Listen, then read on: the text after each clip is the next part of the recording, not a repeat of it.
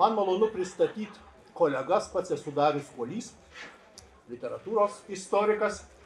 Ir malonu pristatyti kolegas, kurie uh, mums mėgins aptart Tadeušo Konvickio ir meilės įvykių kroniką ir jo kūrybą platesnėme kontekste. Ir pasvarstyti, ar lenkiškai kurta rašyta uh, literatūra iš Vilniaus kilusių Vilniuje gyvenusių autorių literatūra šiandien gali plėsti mūsų akiračius, kaip plėsti, kaip įsijungti šiandieninį lietuvių polilogą apie save, apie savo visuomenę, savo krašto perspektyvas, bendruomenės perspektyvas. Taigi, greta manęs šios knygos vertėjas į lietuvių kalbą, Žemaitis, Žemaitis verčiantis, verčiantis Lenkų autorių, tai yra taip taip na, na, naujas dalykas. Gan Vidas Morkūnas. Vidas Morkūnas novelių, trumpų novelių knygos autorius šia, šiais metais pristatytas ir į kūrybiškiausių knygų penketuką. Ir Vido vertimas tikrai yra tikrai autorinis. Skaitydami Tadeušą Konvickį mes galim skaityti Vido Morkūno verstą Konvickį. Tikrai tikrai labai subtilus ir gyvas, gyvas priartinantis prie šių dienų, prie mūsų, prie mūsų Tadeušą Konvickį vertimas. Ir brolis kunigas, bet taip pat ir eseistas, ir lenkiškojo Vilniaus apologetas, adoratorius Julius Asnauskas, tai du rimti pašnekovai, o Tadeušo Konvickio dėje netekom prieš ketvirtą metų, nors jo dukra, kino, kino menininkė, gyvenusi ilgą laiką Junktinėse Amerikos valstijose, būtent šiais metais yra išleidusi gražią knygą apie savo tėvus ir Tadeušą Konvickį Lenkijoje, sulaukusi ta knyga yra didelio susidomėjimo. Bet aš norėčiau pradėti mūsų pokalbį pasitelkdamas Tadeušą Konvickį ir vieną iš jo retų pas, jau senatviai duotų interviu. Jis politiko žurnalui 2005 metais, 10 metų likus iki jo išeimo, yra kalbėjęs tai. Esu truputį įtarus lietuvis. Gyvenime pasirengęs viskam. Stengiuosi nepasiduoti nepagristam optimizmui. Manau, kad tada, kai pasakiau, jog mano knygos mirs kartu su manim, dar šiek tiek buvau optimistas. Dabar kartais manau, kad gali nutikti taip, jog mirs, kai dar valkiosios po šį pasaulį. Kodėl žmonės turi skaityti, jei dabar visi puikiai rašo. Todėl Šas Konvickis ir dabar aš kolegų norėčiau ir klausti. Štai Konvickis iš tikrųjų pranašavo, kad jo knygos mirs ir gal anksčiau negu jis. Negu jis. O mes turim naują, naują Konvickio vertimą ir pirmas įk prakalbintą meilės įvykių kroniką. Tas ginčas su Konvickiu. Apskritai, Vidas Morkūnas ginčėsi su Konvickiu, su jo nuostatom versdamas jį į lietuvių kalbą, o Julius Asnauskas Konvickį minėdamas savo gražiose ese Šiaurės ateinuose, man atrodo ir šiemet apie meilės įvykių kroniką Julius, Julius subtiliai užsiminė svarstydamas šiaip bendrus, bendrus reikalus. Prašom, kolegos, jūsų, jūsų žodis. Tai Tadeušo Konvickio aktualumas, jis galimas ar būtų dirbtinis? Aš apie tą lenkišką Vilnių, netgi šitas paviljonas dabar man užrašė adresą 27, kiek B, būtų pasakę Malkų turgus, tai aš žinau, kur Malkų turgus Vilniuje yra. O kur pylimo 27B, aš nežinau. Čia iš karoso prisiminimų, žinau, kad čia Malkų turgus, ten kažkokia labiau gildė rinkosi, kur paskui dešelės buvo, tai štai ką praktiškai reiškia lenkiško Vilniaus arba apskritai Vilniaus istorijos žinojimas, Malkų turgos kito nėra Vilniui. Tai, o kad jį reikia, man atrodo, tai nėra pirmas apokalipsė. Taip. Šitas, ne, bet pirmas vertimas. Jo, bet tai jau mes, mes jau patvirtinom turbūt, kad jis mums yra svarbus, o, o kad, kad buvo baimės, apskritai daugybę metų buvo baimės, Vilnius kėlė baimę, Vilniaus praeitis kėlė baimę, lenkiško, žydiško Vilniaus, viso tokio, tokio tokio Vilniaus praeitis kėlė baimę, kas stengtasi buvo jos neminėti ar, Tai čia tas akivaizdu, bet dabar kita karta atėjo, kurie, kurie yra be galo įdomu, tas, tas senasis Vilnius ir tą rodo, man atrodo, tas dabar vertimas, leidimas knygos ir gausybė literatūros įvairiausios apie, apie Vilnių, pirmo pasaulinio karo Vilnių ir, ir ankstesnį. Ir tai tas tik tai liūdija, kad mes, mums mum ta istorija reikalinga, kad mes po, po truputį tą Vilnių, kitonišką Vilnių, tą daugia, daugia kultūrį, daugia religinį Vilnių atrandame. Aš tik nelabai ten kabinčios už tų kelių sakinių Lietuvos adresų pasakytų, arba kad jis save vadino lietuviu, nes jis kalba apie LDK greičiausiai, ne apie, ne apie Lietuvą istoriją, jis buvo armijos krajovos kovotojas, tai negalėjo turėti didelių simpatijų Lietuvos Respublikai, bent jau 44-5 metais, arba vertindamas 400-ųjų įvykius 39 metų, tai tas suprantama, bet kaip ir kiekvienas kultūringas žmogus tą peržengė visą priešiškumą buvusį istorinį.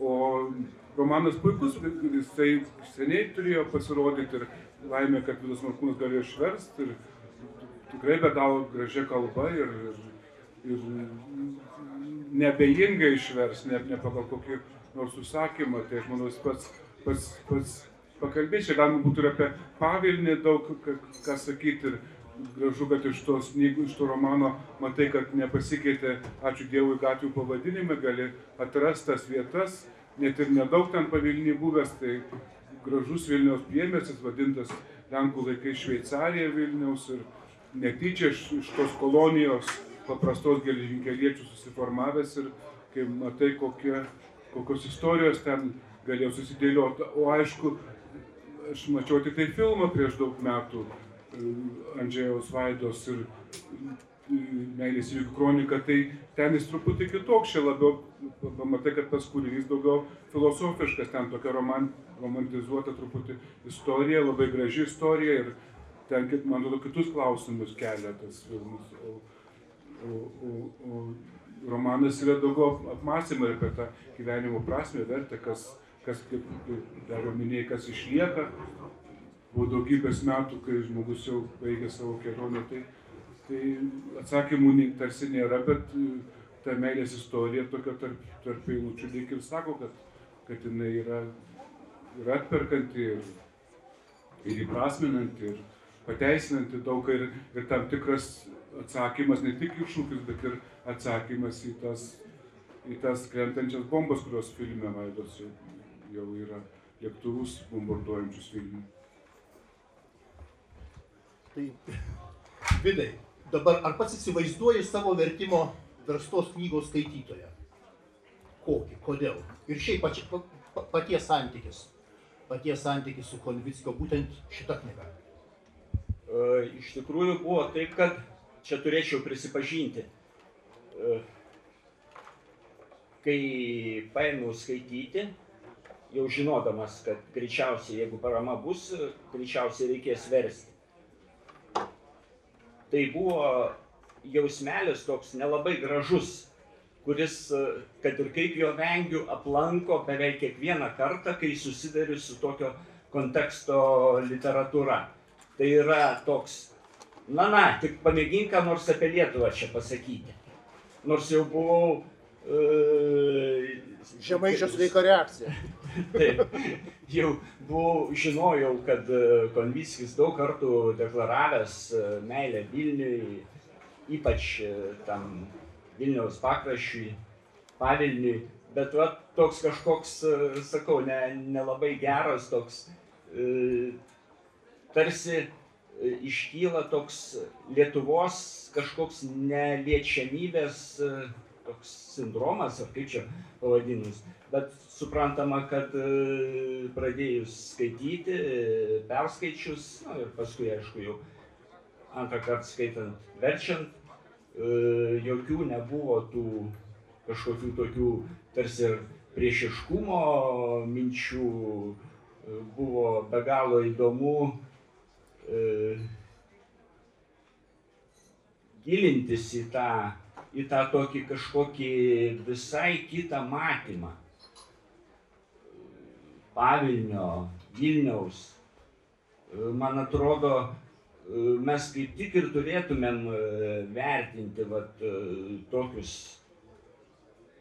literatūrą tokią, ne tik dėl savaiminės literatūrinės vertės, turiu omeny literatūrą, kuri yra tarsi lietuviška, bet nelietuviška. Kaip šiuo atveju Konvickio. Ar ten būtų kitų lenkų autorių.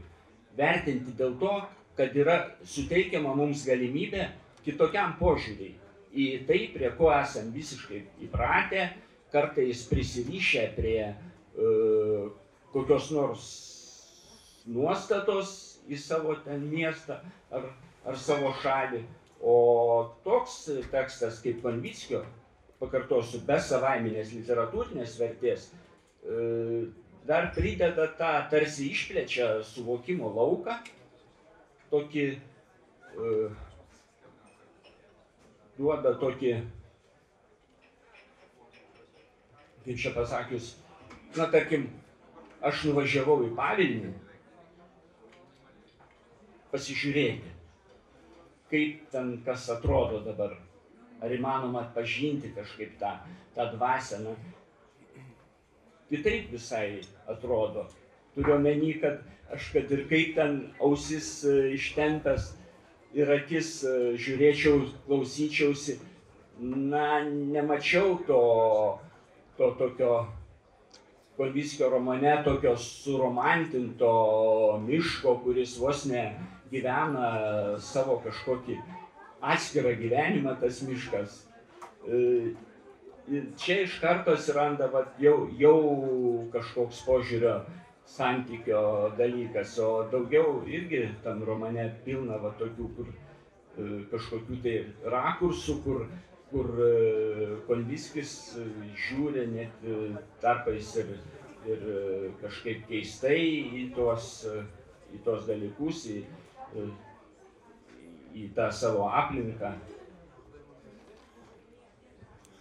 aš prisipažinsiu, dėstydamas Vilniaus universitete Lietuvos literatūrą, vis sulaukiu ir Lenkaičių. Lenkaičių iš lenkiškų mokyklų, kurios studijuoja lituanistiką ir man buvo toks keistas fenomenas. Iš tikrųjų, Tadeušo Konvickio šių dienų sapnininkas pasirodė ir sovietmečiu, 70-metį ir nesulaukė jokio didesnio atgarsio. Čia, kaip brolis Julius minėjo, pasirodė ir mažoji apokalipsė, bet irgi tokio didesnio atgarsio jinai nesulaukė. Ir aš tų žalių lenkaičių studenčių lenkiškas mokyklas baigusių klausiau, o kas jums va iš Tadeušo Konvickio daro įspūdį, ką jūs siūlytumėt savo bendramžiams skaityti, jaunimui, Lietuvos jaunimui. Ir jo sutartinai man sakė, meilės įvykių kronika. Tai mūsų knyga. Šitaip aš pagalvoju, kad jeigu mes norim šiandienos Lietuvos jaunimui atverti Tadeušą Konvickį, gal iš tikrųjų reikia imti tuos tekstus, kuriuos skaito šiandienos lenkakalbis jaunimas ir jie yra artimi savitie tekstai. Ir pats kūrinys iš tikrųjų yra meilės istorija vykstanti prie Vilnelės. Konvickis yra prisipažinęs, kad Vilnelė yra ta upė, prie kurios visada vyksta visų jo romanų, visų jo kūrinių meilės scenos. Kur jos bevyktų, jos visos vyksta prie Vilnelės, nes Vilnelė buvo ta upė, kuri pažadino metafizinį algį, jo kaip rašytojo metafizinį algį. Vilniaus apylinkės, Vilniaus kraštas su metafiziniu alkiu. Bet iš tikrųjų šis meilės pasakojimas Va, Juliaus pastaba labai taikli, Andžėjaus Vaidos filmą, puikų filmą žvelgi, žiūrint, mes nepamatysim viso Konvickio pasakojimo sudėtingumo. Tas pasakojimas yra labai labai sudėtingas ir uh, Lenkų literatūros kritikai yra pastebėję, kad Konvickis daug kur žaidžia. Jis pasirenka tam tikrą formą, žaidimo formą, ar detektyvo, ar net vaikų knygelės, o kalba apie labai sudėtingus egzistencinius klausimus. Ir čia pasirinkta romanso forma. O, tarsi nostalgiška meilės istorija, bet iš tikrųjų keliami 20-ojo amžiaus antros pusės intelektualui rūpimi gyvenimo prasmės, beprasmybės, absurdo klausimai, kaip mes galim kuo šitame sumautame pasaulyje beprasmybei ir absurdui atsispirti. čia e, kolega Algis Kalėda šviesaus atminimo yra gražiai pastebėjęs, kad Vilniuje Konvickio pasakojimuose išlieka kaip e, stabilus vaizdinys, kuriuo remiantis mėginama atsispirti 20 amžiaus antros pusės absurdui, fobijoms, netikėjimui. Tai yra vaizduotės kūrinys, susikurtas kaip egzistencinė atrama. Ir va, šiuo aspektu irgi būtų įdomu pažvelgti į šitą kūrinį. Jis prasideda iš esmės savižudybės scena, mirties scena, baigėsi irgi nepavykusią savižudybę. O gyvenimas antrapios nebūties ribos. Žaidžia jauni, vos gyvenimą patyrę gimnazistai, ne? Gyvenimas prieš juos veriasi ir jie jau eina tuo lynu. Būties nebūties lynu, žaisdami pats Konvickis iš jų šaiposi, juokiasi, nežinia kaip įsipina pasakojimas apie sergantį žmogų Varšuvoje, Vytoltą ar Vytautą, kuris galvoja apie savižudybę, neserga vėžių ir jis svarsto savo išėjimo būdą ir sikiu jaunystės prisiminimai ir jaunųjų bandymas nusižudyti. Pasakojimas labai labai sudėtingas ir surrealistinis, ir metafizinis, ir sikiu banalus, ant banalybės ribos. Kaip jūs komentuotumėt va šitą literatūrinį žaidimą? Violeta Kevertenė yra kreipus dėmesį angliškai skaitydama Konvickį, kad tai yra nuostabus pasakotojas, ypatingas pasakotojas. Tai va tas pasakojimas jūs kaip eseistą, kaip rašytoją užkabina kiek? Ten labai gerai viršelė, nežinau, kieno ten citata, kad tie gimnazistai žaidžia meilė ir mirtimi, tai tas labai, labai atsispindi, bet visą laiką nepamiršti, kad tai 39 metai, ten tų, tų žodžių karas tirštėja, nors nematai dar tų požymių karo, bet vis tiek ta įtampa ir aplinkui visi žmonės nori mylėti. Ir tos dvi seserys, dvynės ir, ir, ir, ir tie pagrindinis veikėjas, jo draugai ten ir visur tas, atrodo, tai yra vienintelis to silpno mažo žmogaus atsakymas galimas į tą, į tą besiartinančią didžiulę tragediją. Ar taip iš tikrųjų yra? Čia vėl turbūt žaidimas, nes, nes mes neturim to tokio tvirto atsakymą šitoje vietoje. Ir atsimenu, prieš daug metų kažkada atitininkų diskusija buvo apie, part, part, ką rinktis partizanui reikėjo, ar, ar meilę savo žmonai, ten, ar mylimai, ar, ar tėvynė. Ir labai buvo sunku tą klausimą atsakyti. Ir čia nėra tokio atsakymo, bet jie tarsi, tarsi juos įtraukia tas likimas ir tai, tas 50 grobšų ta moneta įtraukia į tą, tą dramą, ar kaip pasakyti, ar tą be galo didžiulę laimę jų ir nelaimę, kur jiem visiškai nes, nenorint to, ne, be jų pačių didelių pastangų. Tai, tai visada bus toks ir padrasinimas, ir, ir įkvėpimas, ir kad žmogus nėra visiškas toks žaislas likimo, ar kas nežinau, ar, ar tarpsme, kad nėra bejėgis tų didžiųjų bandymų ar nelaimių akivaizdai toks paprastas. O e, aš vis dėlto ne, nepažįstu pažio, negyvenau ten, bet iš tų kelių susitikimų, ten, aš manyčiau, kad ten daug kas išliko ir ne tik gatvių pavadinimai, bet ypatinga tos vietos nuotaika. Yra Vilniuje ke, apylinkėse kelios, tai yra Kalvarijų parapija, kuri sugebėjo daugybę metų kažkokį savitą labai veidą to Vilniaus pakraščio išlaikyti, nors ten jau nebekalbėjo ir daug niekas lenkiškai, bet vis dėlto nebuvo kitokia. Taip pat ir pavilnystė, ta bažnytėlė tokia Karpatų stiliumi pastatyta ir, ir ten labai išraiškinga yra šventorių dviejų tų klapčiukų. Buvo labai įdomi parapija, kadangi neatsirado to geležinkeliečių kolonijoje, buvo motin, mes Bernardinai buvo motininė parapija, kuri įkūrė tą, ėjo procesija didžiulė, nesimenu, kelintais metais šventinto kertinio akmens ir ten labai greit kažkaip gyvenimas susimesgė ir buvo didžiulis patarnautojų būrys ir Soltanas kunigas, kuris paskui lagerį iš kelių kartų galiausiai žuvo. Ir šventorį, aš, mane, aš ten kai buvau per rekolekcijas, visą laiką persekiojo tie du kapai, patarnautojų, klapčiukų kapai, visiškai prie bažnyčios žuvusių karo metu, nežinau, kokiam aplinkybėm, ar bombarduojant, ar kaip kaip kitaip ten ir, ir užėjai tą bažnyčią, dešiniai navo, šoniniai ten koplyčio, ar kaip pasitukia, ir reiškia aušos vartų Marijos paveikslas, ir ant jo votų, jūrai votų, ir aš nežinau, ar jie paskui vėliau sudėti, ar kaip nors atnešti, ar tokia mintis, kad, kad per tą trumpą laiką, nes parapija nebuvo sena, kad šitiek tų maldų išklausytų, kažkoks įspaudas tas. Ir jis liko ir iki šiol, man atrodo, ten gali pajusti tą nuotaiką. Kažkokia kitokia nuotaika, pažiūrėjau, negu naujoje Vilniuje. Aš nelyginu tų vietų, bet va, tą, ką, ką Konviskis ir išreiškė ir ką, kas jį patį įkvėpė, toli būnant nuo tos vietos ir tas niekur nedingo, tarsi įsigeria.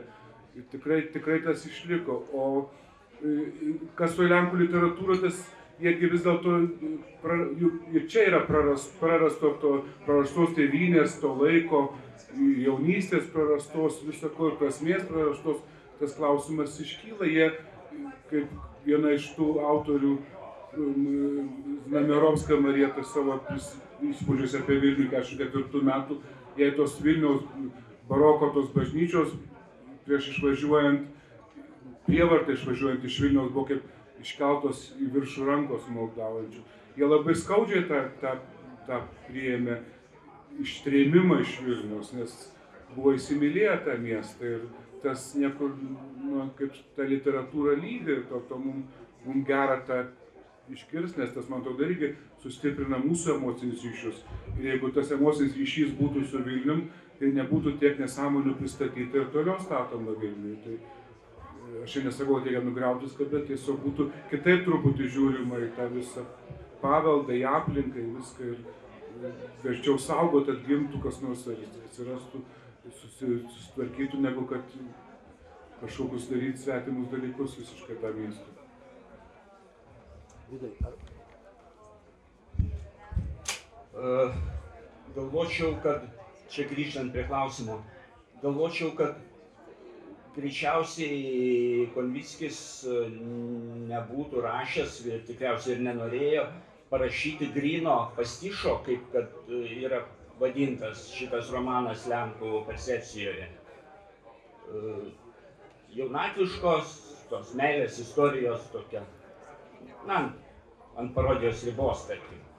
E, Grino jis tikriausiai pasišo nebūtų e, niekada rašęs. Todėl, mano galva, yra tiek daug žaidimo, va, kaip, ir, kaip ir minėta dariaus, e, žaidžiama motyvais, išraiškomis, žanrais šiek tiek. E, yra labai tikrai e, sužaista, kai kur subtiliai, man kaip pačiam rašytojui labai, labai tokie dalykai patinka ir artimi. Yra, aš norėčiau atkreipti dėmesį tų, kurie e, skaitys, o kas skaitė, pabandykit prisiminti. Aš dabar tik tai neatsimenu chronologiškai kuris momentas e, yra pirmesnis, bet tai netaip svarbu. Man reikės pirmesnis momentas yra epizodas tas, kur uh, tie jaunuoliai Elina ir Vicius ateina į bažnytėlę ir randa ten velionę pašarvotą. Tokia, na, gana mistiška, tokia gudoka atmosfera. O paskui yra momentas, kai Vicius pats savo ateinantis iš, iš e, ateities pas save jaunesnį, pasakoja apie kaip laidojo motina ir yra toks, na, labai subtiliai suvienodinta, kad grįžtant atmintyje į tą ankstesnį tekstą, kur tie jaunuoliai bažnytėlėje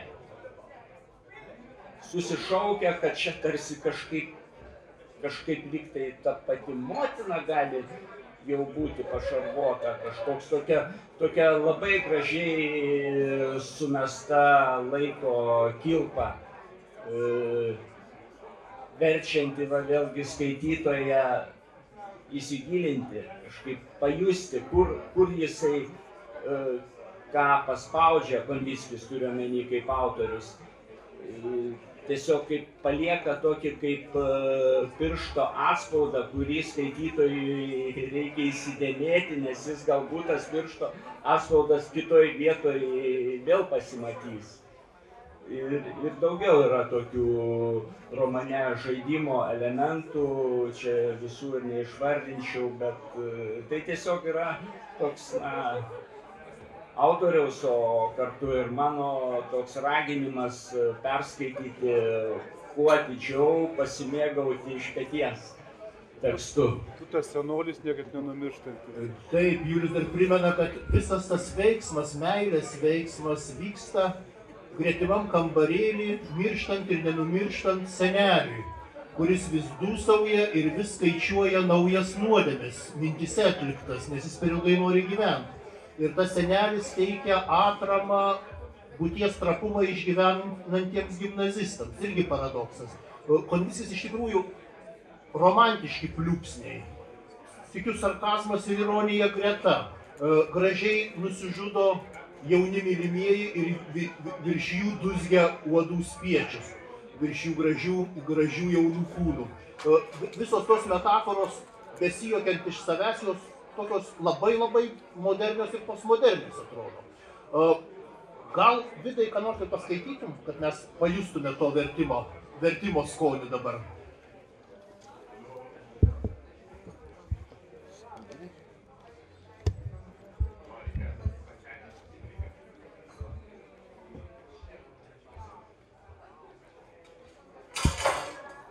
Dalykas tais laikais švesdavome visai kitaip nei įprasta dabar. Šventės prasidėdavo verbų sekmadienį, kuris jau savaime būdavo didelė iškilmė. Visa didžioji savaitė šventė atvirkščiai, privalomas asketiškas susilaikimas prieš linksmybės. Kiekvieną didžiosios savaitės dieną vis kitas būdus ritualas, suli kiekvieną dieną vis griežtesnė dieta. Didįjį penktadienį valgydavome jau tik rūpę duoną, gerdavome nebent vyrą. Nuo ketvirtadienio sėdėdavome bažnyčioje, liūdnose pamaldose šiek tiek panašiose į laidotuvių. Žemė taip pat ruoždavosi pavasario protrukiui. Duobėse, lomuose, grioviuose gaiždavo juodo susicukravusios sniego likučiai. Sausesnius kauburius miškuose tuntais apspisdavo žibuoklės ir plukės žemė vaitodavo naktimis, šiandien, jai pratrūkus, atsiverdavo raudonai geltoni viduriai. Kalbant apie žem, žemaičių Lenkų kalbą, tai irgi pavilnys tinka, kadangi ten daug metų klebonavo Aleksas Končius, tikras žemaitis klebon, nežinau kokiais keliais jis atsidūrė ten, ar už bausmę, ar kad ten kažkaip saugumas nelabai prieidavo, tiek į tą minėtą Kalvarijų parapiją, tiek į Pavilnį, kažkaip nežinau. Drąsiau žmonės ten jausdavos, netgi inteligentai iš Vilniaus centro važiuodavo tos pakraščius, kuriem bijodavo būti pastebėti Vilniaus bažnyčiose. Tai Ignas Končius, aš nežinau, iš kurios vietos jisai žemaitijos kilęs buvo, bet jis buvo išmokęs tobulai lenkų kalbas. Susirašinėjo su Lenkijos profesoriais ir sakydavo tokius lenkiškus pamokslus, kad nesuprasdavo tą vietinę liaudis, kadangi jie kalbėjo tą, nu, tą paprastąją tą lenkų kalba. O jis mums vis paskambino į mažą studiją ir pagirdavo už lietuvių kalbą, Vynas Končius, Aleksas Končius. Ir jo išsaugotas yra toks išlaikytas po, posakis, Konviskis irgi tuos laiptus minė bažnyčios probėgšmiais sumūrytus. Jis buvo labai stambus, kuo, kuo, kuo, kuo vyresnis, tuo stambesnis ir labai sunkiai vaikščiojo. Jis lipa tais laiptais baisiais į tą bažnytėlę ir šitie laiptai tai įrodymas, kad velnės egzistuoja. Tai va, to žemaičio, kuris tobulai išmoko, Vidas nėra pirmasis žemaitis, kuris, kuris pavilny išmoko lenkiškai. Tai, arba per pavilnį išmoko lenkiškai. Tai irgi ta, ta graži, graži detalė. O ta klebonija išlikusi, sako, tos nuotraukos ir kai jis ten mini krūmus, kuriuose klapčiukai kurdavo tą smilkytuvą, tai man atrodo, kad aš esu matęs tas tas vietas ir tas, tos yra patarnautojų nuotraukų, kažkaip skota parapija baisiai, baisiai buvo tokia gyva ir daug tų vaikų, kaip ir viskas, kas, kas naujai atsiradė, todėl manęs niekiek nestebina tas toks putojantis gyvenimas ir didelės katastrofos akivaizdoje atrodo. O dar aš norėčiau klausti, ir Vidas, ir Julius yra Lenkų literatūros skaitytojai. Ką iš lenkiškos literatūros mes dar turėtume atrasti, Lietuvos skaitytojas dabartinis? Tadeušas Konvickis iš tikrųjų mes galim šiandien nuvažiuoti nuvažiuot prie jo namelio pavilny. Namas išlikęs, atpažintas, patvirtintas paties Konvickio telefonu, te, telefonu Buinickiui, kad būtent čia, čia gyventa. Taip pat mes žinom, kad naujoji Vilniui, namas, kuriame gimė, Konvickio neišliko. 88 metais Konvickis Vilniuje kūrė filmą pagal Adomo Mickevičiaus vėlinės ir tada atėjo savo gimtasias vietas, bet Lietuvai atkūrus nepriklausomybę jau nevažiavo, nes norėjo išsaugot Vilnių, uh, Vilnių vaizduotėje, tvaresnį, tvirtesnį, nepakitusi Vilnių savo vaizduotėje, bet taip pat mes žinom, kad Konvickis debutavo uh, romanu Roistai, Raistai, Ir tas romanas, rašytas 47 metais, 48-aisiais, nepraėjo cenzūros, nors Konvickis sąmoningai ėjo kolaboruoti su uh, sovietų uh, nu, liaudės, liaudės Lenkijos valdžia, stojo į komunistų partiją, paskui tik tai jau protestuodamas uh, prieš, antihumaniškus kompartijos veiksmus išstojo iš, iš tos partijos, tapo rašančių rašytų disidentų, bet raistai buvo išleisti tik 56 metais. Čia meilės įvykių kronika Konvickis rašo jau brandaus amžiaus, 74 metais pasirodo bet jo e, debiutas, literatūrinis debiutas raistai pasirodęs, ir po dešimties metų beveik, e, sukėlė e, kolegų Lenkų profesūros labai audringas reakcijas Lenkų visuomenės, nes ten vaizduojamas jaunuolio gyvenimas armijoje Krajovoje, kai armija Krajova krinka. Ir romantiškasis visas pasaulėvaizdis, visas Adomo Mickevičiaus kurtas mitas pradeda griūti. Mes žinom, kad su Adomu Mickevičiu savotiškai grūmėsi kiti Litvinai.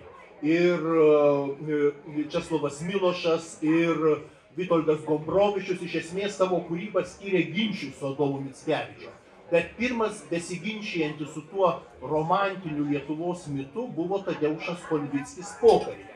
Tai va šito romano mes nesam išsivertę. Ir jo reikėtų. Ko dar reikėtų? Aš paklausiu dabar Juliaus gal labiau, e, kaip Lenkų literatūros mylėtojo aš nesu žemaitis, dėl to lenkiškai neišmokau. Tai turiu savo gėdą, turiu prisipažinti. Aš nežinau, bet jau ten to, tokio nusivylimo, ten irgi, man atrodo, yra užuominų, kad mes per daug skaitėm ar per daug ten, kad iš tais tekstais ir, žinoma, pražudė, nu, galima žiūrėti, kad, kad tas visas patriotinis, kiek tų jaunų gyvybių ir ėjo, nu, žinom, tos legendos sukurtos, kad Lenkų kavalerija mėgino vokiečių tankus įveikti ir toliau tos gyvybės visada ne, nu, karo, sugalvoja karą seniai, o žūsta jauni žmonės. Taip jau yra. Ta, ir, ir, ir čia ta mintis, man atrodo, kad irgi tarsi išskaityta ta, ta istorija, tas troškimas mylėti visi burtai jo to, to viceko, kaip jis ten užmėgina.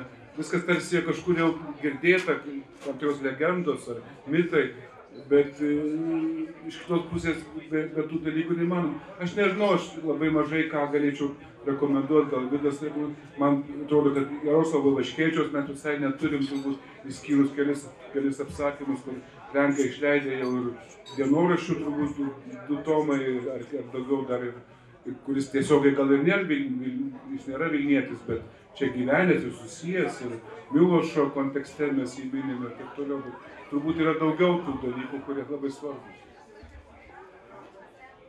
Nežinau, kiek čia susiję su kontekstu, bet aš pirmiausiai turbūt pagalvočiau apie Gustavą Herlingą Gruzinskį. Jo knyga Kitas pasaulis tiesiogiai su Lietuva, man regis, nėra susijusi, bet galėtų būti svarbi tuo, tai yra prisiminimai niūrus iš Gulago ir manau galėtų būti svarbi tuo, kad truputėlį mums e, tą tokią įsišaknyjusią nuostatą prasklaidytų, nes prisipažinkim, e, kartais mumise tvyro tokia mintis, mes įsivaizduojam, kad tik mes te buvom miške, tik mūsų teatrėme lietuvius, e, tik mūsų ten e, te, visai te kankino okupantai. Iš tikrųjų ne, ne taip yra, trėmė ir kitus, ir, ir kiti buvo miške. Latvijai, pavyzdžiui, tik dabar pradeda rodytis e, įdomios publikacijos apie, apie Latvių pasipriešinimo dalyvius, kovotojus už nepriklausomybę. Žodžiu, čia iš tikrųjų yra ne, ne mano netgi ta idėja Gustavas Herlingas Grudzinskis, o Virginijaus Gasiliūno. Aš jaučiuosi tokiu ir noriu būti tokiu truputį kaip tos idėjos nešėjų, bet e, e, bendrame kontekste manau, kad mums tikrai reikėtų įsileisti Gustavą Herlingą Grudzinskį, nes kiek susidūriau, jis ten Lenkų percepcijoje yra lyginamas su Dostojevskiu. O man, jeigu jau čia reikia kalbėti apie lyginimus, tai man norėtųsi, kad lygintų su Grinkevičiūtė. Tai va. Dėkui.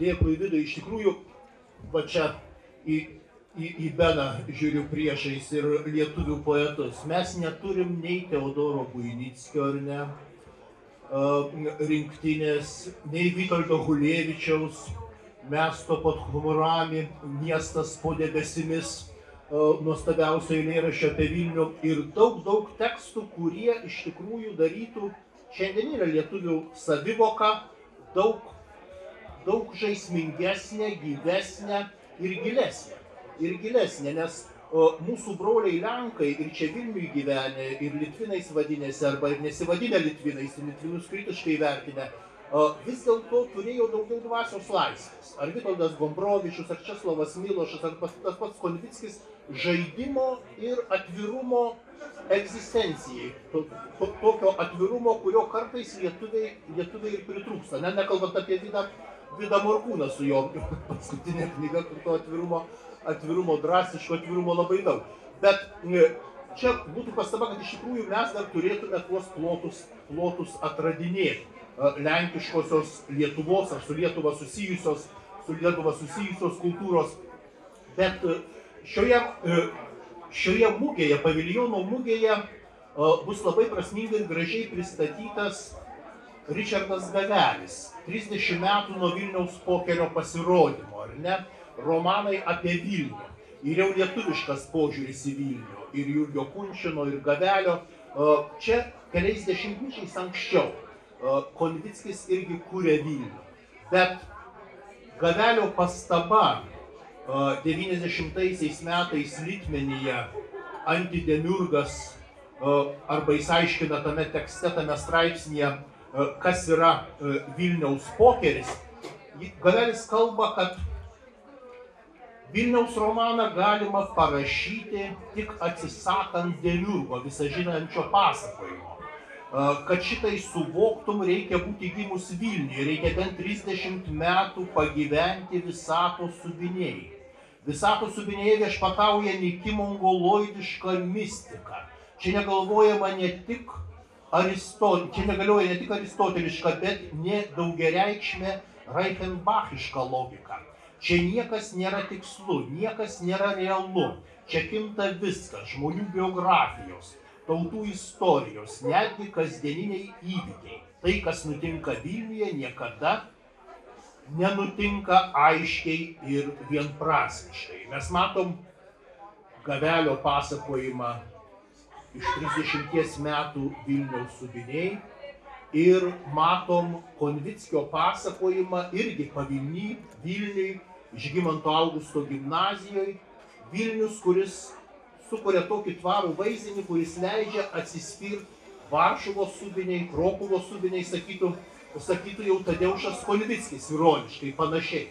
Tai štai tie požiūriai į Vilnių, Vilniaus pasakojimai iš tikrųjų yra labai labai įvairių, jie žaidžia ir Tadeušas Konvickis šiandien, aš jau čia manyčiau kaip literatūros šioks toks tyrinėtojas, kad labai svarbus šiandien mums irgi toliau plėtojant, nagrinėjant, interpretuojant e, savųjų Richardo Gavelio ir Jurgiaus Kunčino pasakojimus, visa tai yra greta, visa tai greta ir Vilniaus pasakojimams, jų įvairoviai, jų polilogiškumui, polifoniškumui, iš tikrųjų, todėl šis Konvickis suteikia labai svarbių spalvų.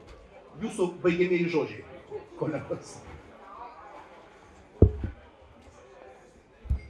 Tai čia aišku, kad reikia ir žydų literatūrą, kaim, kaimo gradės neturim, nu, nežinau, kiek keli, keturi kokie romanai jo Vilniui skirti, tai rusai įsivertė, tai gal ateis kada nors diena ir tam, bet tai Vilnius ir be žydiško, to jo labiau dar turbūt ne, neįsivaizduojamas. Ir, bet man atrodo, kad šie lai, mūsų nu, ta, naujieji laikai karta gali, gali sauliaisti tuos atradimus ir viską.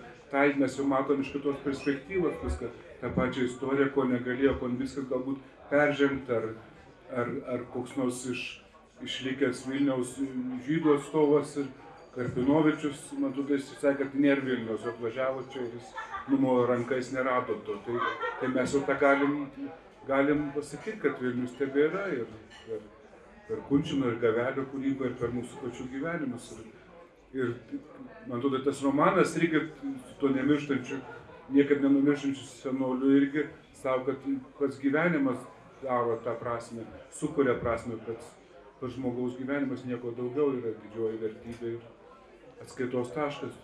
Tai taip pat, pat ir Vilnius turi tą, tą, tą, tą dovaną perspektyvą ar kaip prasme. Na, aš norėčiau tik tai pasidžiaugti tokiomis uh, kūrybinės raiškos įvairovės galimybėmis, kaip šiuo atveju, sakyčiau taip, Gavelio Vilnius man yra deformuotas vaizduotės vis dėlto, o Konvickio Vilnius, jeigu ir deformuotas, tai atminties. O dar e, gali būti begalinių variantų, deformuotas e, požiūrio iš e, televizijos bokšto, deformuotas požiūrio iš šiluminių trasų, kur benamiai gyvena.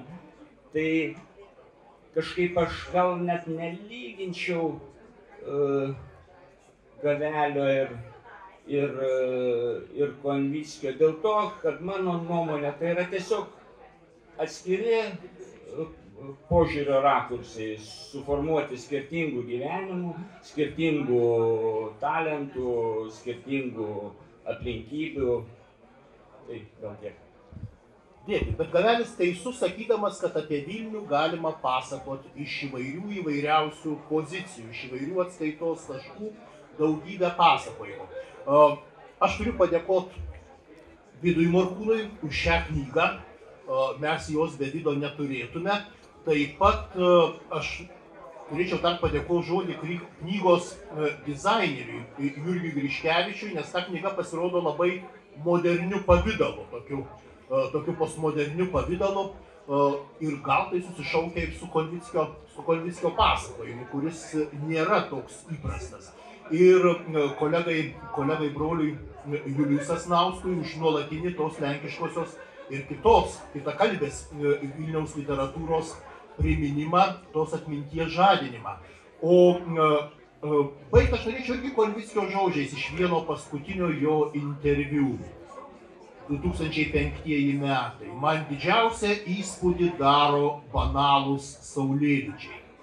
Sustoju, žvelgiu į nepaprastai gražų saulėlydį ir man labai liūdna, kad tiek šitokio nereikalingo grožio praeina pro mus. O mes toliau viską darome, kaip darė. Tai ačiū, ačiū labai garbėjai auditorijai.